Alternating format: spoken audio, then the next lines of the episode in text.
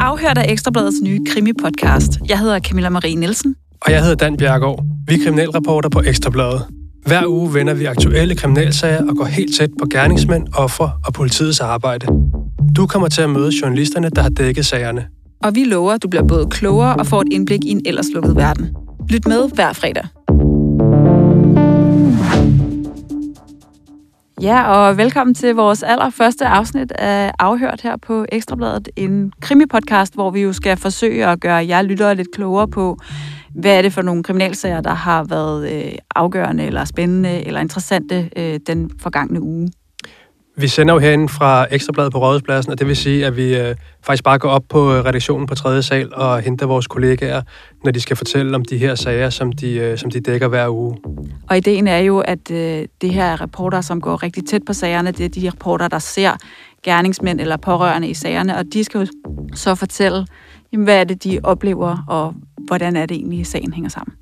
I dag har vi tre historier på programmet til jer. Vi skal høre om en banditersrocker, der først øh, angiveligt havde forladt rockermiljøet, men altså nu efter at have udstået en, øh, en prøveløsladelse, har valgt at, øh, at vende tilbage til sin øh, tidligere klub Banditers. Og så skal vi høre om øh, den endelige dom i øh, sagen om drabet på øh, radioverden Nedim Yassar, og så til allersidst har vi vores kollega Mette Pedersen med, som faktisk lige nu sidder i, øh, i retten, men som har lovet at gå ud i en øh, frokostpause og holde os opdateret på en, øh, en drabsag, hvor to unge mænd er tiltalt for et øh, drab, der trækker tråde til narkomiljøet. Vores første gæst her i Afhør, det er jo så faktisk, som øh, præmissen for programmet er, endnu en af vores kollegaer, øh, Carsten Norton, som også er journalist på Kriminalredaktionen, sidder med det stofområde, der hedder Bandeland, ligesom øh, Camilla og jeg gør. Og den historie, vi først skal tale om, det er en, øh, en historie, der dukkede op i, øh, i sidste uge, og som i dag endte på øh, forsiden af Ekstrabladet. Det er egentlig en historie, der starter med, at øh, jeg selv sidder og øh, surfer lidt på de sociale medier, øh, researcher lidt på øh, det her øh, rock- og bandemiljø, og så falder jeg over et opslag om en øh, banditersrocker, der hedder Nils Poulsen, som skal have en five-year non-association og løsladelsesfest. Og øh, det tror jeg egentlig bare, jeg siger sådan øh, ud i lokalet på redaktionen. Og det er jo en, som, øh, som du griber, Carsten, fordi du har øh, PT bogaktuel med en bog, der hedder Engle dør aldrig, om, om Hells Angels. Og man kan jo ikke rigtig komme uden om Hells Angels historie, uden man også siger banditers øh, på grund af den øh, store nordiske rockerkrig. Så du har faktisk beskæftiget dig ret meget med øh, Banditas og Hells Angels i 90'erne, og derfor også med, med Nils Poulsen. Hvad var det, Nils Poulsen gjorde, som øh, resulterede i, at han fik en livstidsdom? Niels Poulsen, han udførte det øh, nok mest øh, kendte og mest spektakulære angreb, øh, som, blev, øh, som, som fandt sted under det, som hedder den store nordiske rockerkrig i, øh, i midten af 90'erne. Øh, og denne her øh, rockerkrig, øh, den startede på dansk jord i øh, foråret 96 med et øh, drab på en banditersrocker i øh, Københavns Lufthavn. Øh, og det blev så efterfulgt af en hel del øh, hævnaktioner. Øh, Niels Poulsen, han udførte det, det, det største attentat, og det skete i forbindelse med en øh, Hells Angels fest i øh, Titangade på Nørrebro i København den øh, 5. oktober 1996. Øh, man skal tænke tilbage på, at det her det var en fest, som var omgået af et, et fuldstændig vildt sikkerhedsopbud. Øh, politiet havde øh, anskaffet en særlig mobil kommandostation til det her øh, arrangement. Alle blev fotograferet og registreret på vej til og fra denne her fest. Og der var sådan set gjort alt, hvad man overhovedet næsten kunne gøre for, at der ikke var ubudne gæster i området. Havde de ikke også egentlig forsøgt at få dem til at aflyse festen? Altså politiet ikke var ude at bede Hells Angels om ikke at holde den her fest, netop på grund af den her risiko for et angreb? Jo, det er rigtigt. Der var en stemning af, at det var bedst, man lød være med at holde det her. Men øh, Hells Angels var nok godt klar over, at øh, altså, der, havde været, der havde været forskellige attentatforsøg mod dem, men de havde også en tro på, at når man holder en fest øh, på denne her måde, hvor der også er inviteret øh, det, vi kan kalde civile, det vil sige folk, der ikke er en del af miljøet med, så havde man ikke engang fantasi til at forestille sig, at der var nogen, der ville angribe den her fest og forsøge at, at, at, at dræbe nogen. Og vel slet ikke, når politiet... Altså, sådan er det jo tit til de her rockerfester, at så tropper politiet op og står ude foran og, og registrerer uh, folk, og det man jo tit så hører, det er, Nå, men det, det, nu er vi jo sikre, der, altså, selvom der er en konflikt, så tænker man, der er jo ikke nogen, der angriber, mens politiet står ude foran. Nej, og det, der, er også mange, øh, der er også mange små anekdoter om, at politiet og rockerne faktisk øh, gjorde det her i en rigtig god stemning. Øh, altså, der, der var for eksempel øh, på et tidspunkt en, øh, en rocker, som, øh, som møder op og er klar til at blive fotograferet og registreret, øh, og har stor smil på, på læben, og den betjent, der så skal i gang med at, at spørge, hvem han er, han siger, øh, du skal lige se lidt mere øh, ondsindet ud, fordi du er rocker. Øh, og det grinede lidt begge parter sig af. Så der var, en, en, så der var egentlig en rimelig god stemning. Øh, og, og inden i selve rockerborgen, der, der havde, øh, der havde Hells Angels øh, skabt vikingestemning med halm på gulvet, og der var både levende høns og, øh, og hængebusvin øh, og flere, flere øh, DJ-pulte. Øh, og rockerne havde, øh, hvad hedder det, øh, guldfarvet plastik vikingehjelme på. Så der var egentlig sådan en rimelig, øh, hvad skal man sige, øh, god stemning til den her fest. Øh, det, man ikke var klar over, det var, at der så et øh, stenkast derfra på, øh, på, et, øh, på taget af et, et skur, der lå Niels Poulsen så med et par, øh, det man kalder panserværnsraketter, øh, og da klokken den var cirka 3 om natten, hvor vi altså var inde i søndagsdøgnet, der affyrede han den ene af de her raketter, som så gik direkte ind igennem muren på, på Rockerborgen og endte ud i gården. Øh, og på sin vej gennem øh, bygningen, der øh, dræbte den altså to mennesker og sårede adskillige andre. Og han blev øh, relativt kort tid efter pågrebet af politiet, og det endte med, at han fik en livstidsdom for at have slået to mennesker ihjel og øh, forsøgt at dræbe øh, 19 andre. Øh, for øh, ja, godt, godt fem år siden, der blev han så prøveløsladt øh, fra denne her livstidsdom, og øh, i den forbindelse, der... Øh, der var det ligesom en af betingelserne fra, øh, fra myndighedernes side, at han ikke længere skulle have noget med rockermiljøet at gøre. Øh, og det bedyrede han så også øh, under retsmøder, at øh, det, havde han, det havde han sandelig ikke. Så øh, da du så pludselig falder over den her invitation, og han skal fejres med en, øh, en fest hos Banditers, så er det jo mildest talt en lille smule overraskende. Ja, du er øh, faktisk lidt skeptisk i starten, og vi er ikke sikre på, at det er den Niels, der, der er tale om. Det er fuldstændig rigtigt, øh, fordi han har jo netop siddet og sagt, at han ikke var med i den her klub mere, og så pludselig så, så, så bliver der sagt det her non-association, og for dem, der ikke er bekendt med, med, med det her miljø og de regler, der nu er her, så betyder det jo ligesom, at man er sat på pause. Der er også nogen, der, der bruger udtrykket for eksempel, at Vesten er blevet hængt til tørre, og det vil sige, at man, man opretholder en eller anden form for, for medlemskab, men, men øh, uden at man sådan kommer i klubben og har pligter og, og øh, mødeaktiviteter og andet. Øhm, så, øhm, så, så det, var, det var lidt af en overraskelse. Så altså, øh, for, for at sige det kort, så, så kan man sige, at han har været sådan en slags skyggemedlem i al den tid, hvor han egentlig skulle øh, holde sig væk fra klubben. Ja, det er jo i hvert fald en måde at sige det på, og øh, hvad hedder det... Øh, der er, også, der er også det, jeg siger til det, det er, ikke, det er jo ikke givet, at fordi man kommer med igen på denne her måde, at man så skal deltage meget aktivt i, øh, i klubbens liv. Øh, vi, vi, vi har flere gange før set, at hvis man er sådan en slags seniormedlem i de her rockklubber, så kan man godt have sådan en lidt slags, øh, hvad skal man sige, pensionistmedlemskab, eller måske endda ligefrem et æresmedlemskab, øh, forstået på den måde, at man, man, man, man kan komme og gå, som man vil, men der er ikke nødvendigvis nogen pligter den anden vej. Så har, det... der, har der været en eller anden fidus i at sige, at, øh, at han ikke er medlem længere? Altså, har han tænkt et eller andet ind i det? Altså, man kan sige, at, at denne her livstidsdom, som han fik dengang, den, den fik han faktisk i 1998 i Østerlandsret. Der, det er jo sådan med en livstidsdom, at det er meget sjældent betyder livstid i Danmark, men det betyder på den anden side også, at der ikke er nogen fast bagkant på. Øh, og når man så har afsonet en eller anden bestemt øh, periode, øh, så kan man søge om at få en prøveløsladelse. Og i forbindelse med, at han så beder om at få en prøveløsladelse øh, og, og får det bevilget her i 2015, øh, så er det jo en betingelse, at han ikke længere må være medlem af Banditers. Så, så da, da han bliver spurgt af myndighederne i 15, øh, hvad hans relation til den her rockklub er, så siger han, der, det har han ikke mere. Han har egentlig øh, interesse i at blive løsladt og vende tilbage og tage, være en del af samfundet, som det også bliver kaldt for. Altså, at man tager et helt almindeligt arbejde og har et fuldstændig almindeligt borgerligt liv, uden nogen tilknytning til rock- og bandemiljøet. Så det har altså været til hans fordel, at han har kunne sige det her med, at jamen, jeg har taget afstand fra det her miljø, øh, jeg er ude af det, jeg skal starte på ny. Ja, det er i hvert fald ikke givet, at han var blevet prøveløsladt, hvis han sagde, at han stadigvæk var medlem. Og det er jo faktisk noget, som er blevet sådan mere officielt skrevet ind i, altså i forbindelse med nogle af alle de her bandepakker, der er kommet de senere år, at nu er det jo sådan, så hvis man er et rocker- eller bandemedlem, så skal man faktisk gå i exit og forlade en klub for at få en, en prøveløsladelse. Så på den måde, så øh, kan man sige, det, det er jo blevet meget almindeligt i, i dag. Og jeg synes jo, altså når man taler med nogle af de her kilder i, øh, i, i rock- og bandemiljøet, så er der faktisk nogle af dem, der synes, det er en, øh, en ret god idé, fordi det er også en måde, man kan lægge øh, afstand til klubben, øh, og så sige, det er nødt til, hvis jeg gerne vil prøve og så er der en anden forståelse for det, og så er det måske en, en måde at kunne forlade miljøet, uden man kommer sådan i, øh, ja, det der i gamle dage hed, hed bad standing. Altså fordi det er jo en præmis for at komme ud, det kan alle i, i det her miljø også forstå, at man gerne vil prøve det slags. Uh, øh, og så kan man sige, så er der jo så bare nogen, der åbenbart kun gør det øh, rent pro forma, for at få en, øh, en prøvedestedelse.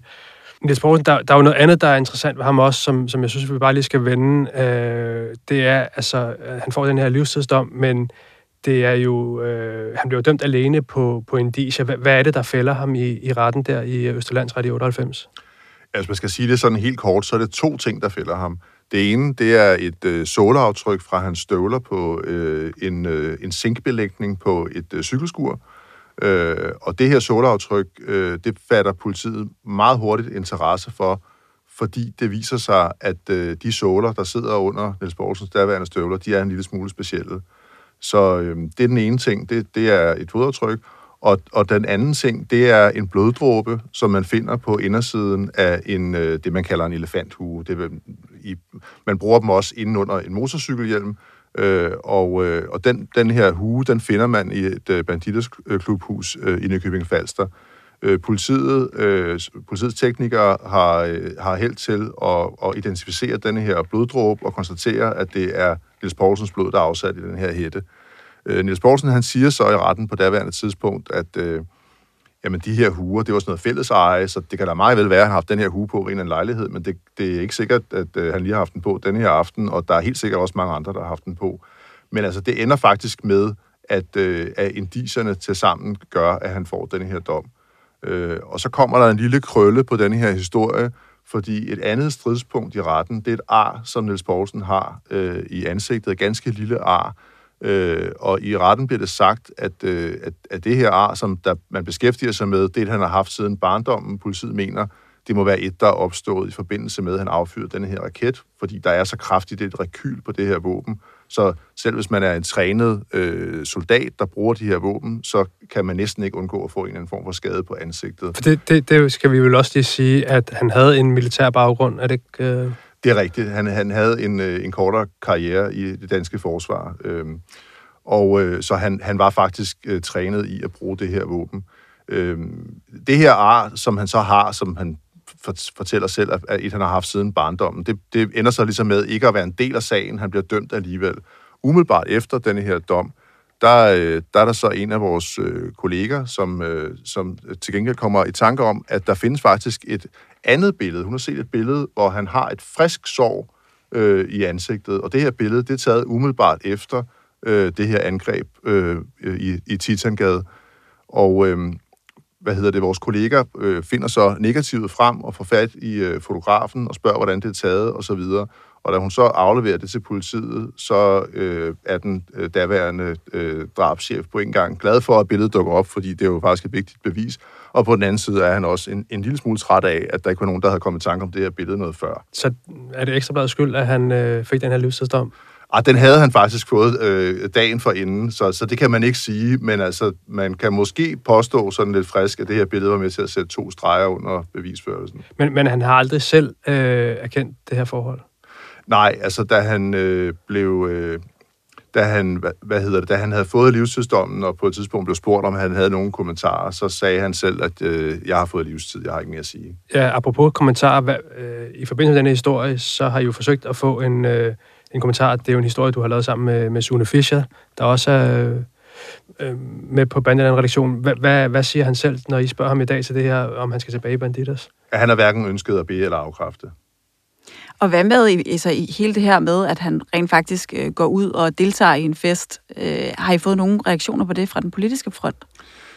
Ja, altså, jeg har talt med flere øh, retsordfører, som man kan sige, øh, mildest talt er pikeret over det her. Øh, der var, øh, der var for eksempel en, der sagde, at, øh, at det virkede noget udspekuleret, at man øh, under en prøveløsladelse øh, lagde afstand til, det her øh, rock- og bandemiljø, og så lige så snart, øh, hvad skal man sige, karensperioden, den er udløbet, så vender man tilbage igen, som om intet var hent.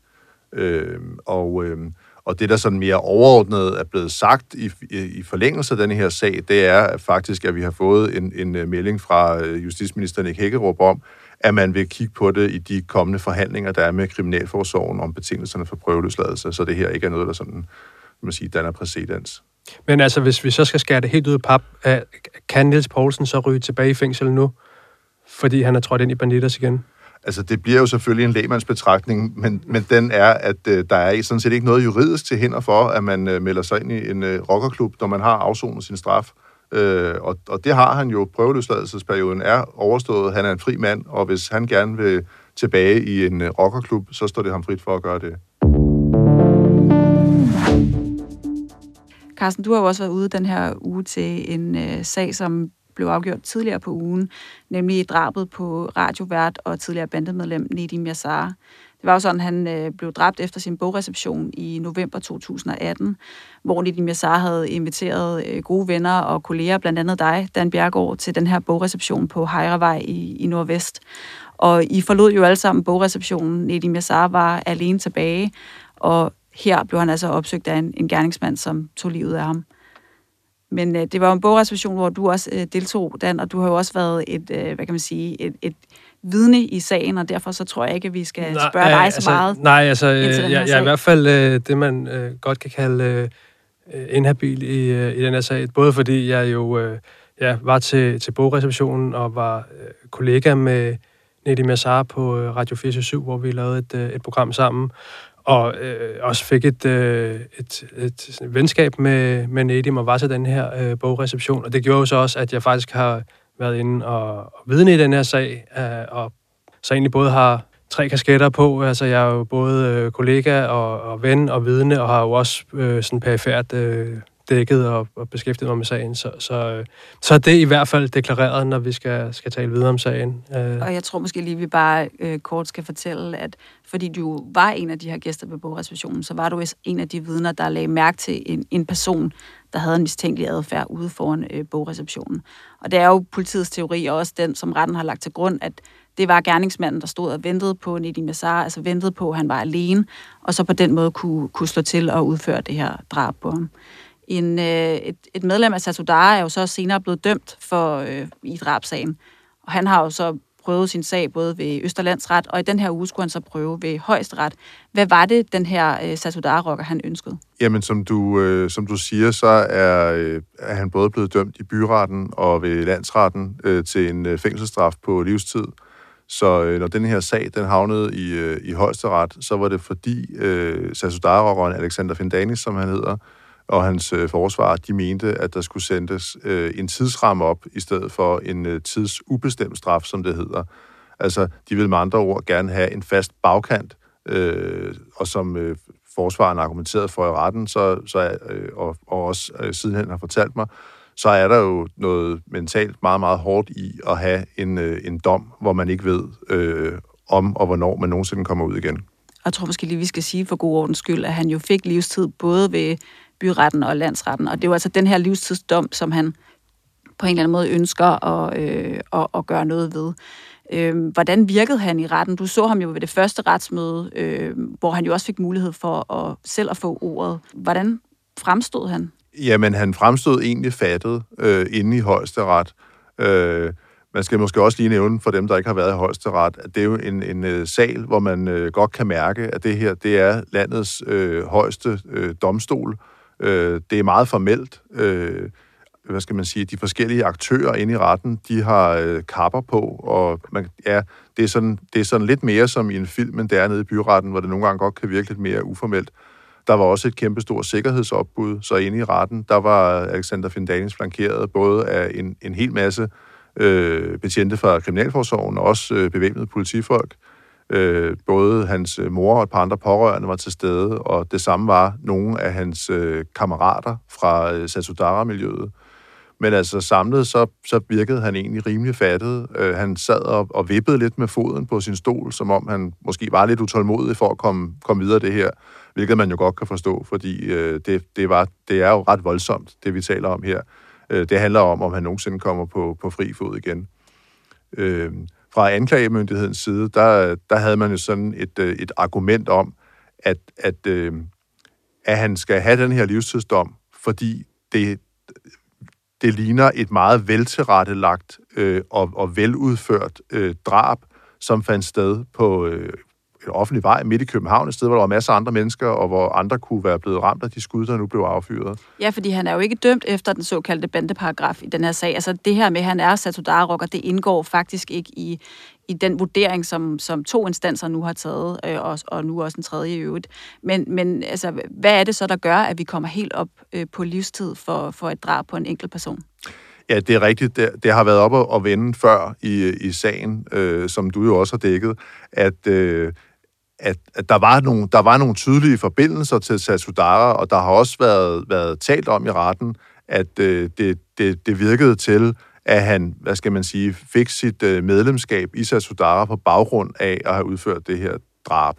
Men, men det er altså ikke lykkedes at, at lægge til grund øh, undervejs i forløbet. Øh, der har også været en, øh, en anden øh, mand, som har været, været dømt i byretten, som blev gik fri i, i landsretten, og derfor så står øh, Alexander Findani så tilbage som den eneste øh, dømte i denne her sag. Og, og eftersom han er den eneste dømte, så kan man jo så af gode grunde ikke rigtig sige, at det her har noget med rock- og bandemiljøet at gøre. Der var heller ikke nogen umiddelbar forbindelse mellem ham og Nedim Yassar. Øh, så motivet, det fortoner sig også lidt i det uvisse. Men, øh, men det, som øh, anklageren så ender med at, at slå på, det er det her med, at det er veltilrettelagt og, og veludført. Det ligner ikke noget, der bare er en eller anden spontan handling. Altså, man har ventet på Nedim Yassar øh, udenfor på gaden efter den her bogrecession, og man er gået målrettet hen og har affyret to skud ind gennem sideruden i den bil, hvor han sad, hvorefter han jo altså så døde. Ja, men altså nu, som du selv nævner, har jeg jo også øh, selv dækket sagen, og der kan man jo også godt se, hvordan han ligesom, øh, den her gerningsmand rekogniserer området. Han vender flere gange tilbage til bogreceptionen, som om han lige skal tjekke, om er de færdige nu? Øh, er det nu, jeg kan, kan slå til? Så på den måde har det jo været øh, i hvert fald vel tilrettelagt i de timer, der er op til, til drabet. Hvor meget det ellers er blevet planlagt, det er jo sådan set faktisk aldrig øh, kommet frem øh, i, i sagen. Nej, og, øh, og, og det, som så øh, står tilbage i, i højeste ret, det er sådan set, hvad skal man sige, det er nærmest en eller anden form for regnefaktor i forhold til, hvor hård straffen skal være.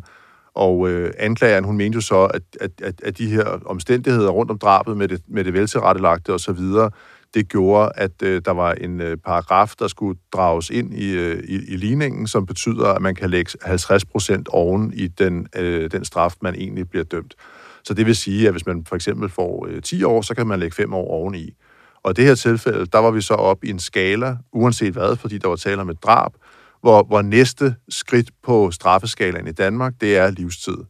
Øh, forsvaren derimod mente, at man skulle bruge nogle mere konkrete tal, øh, sådan så hvis han fik for eksempel øh, 12 år, så kunne man lægge 6 år oveni, hvor de så landede på en straf på 18 år. Men det fik forsvaren altså så ikke medhold i. Nej, fordi hvad endte resultatet med at blive øh, for den her rocker, som jo, for, altså Alexander Fendanis har jo virkelig forsøgt at få, få omstødt sin, øh, sin straf. Og det var jo sidste instans, han kunne prøve den i her i højesteret. Hvad, hvad, hvad endte det med?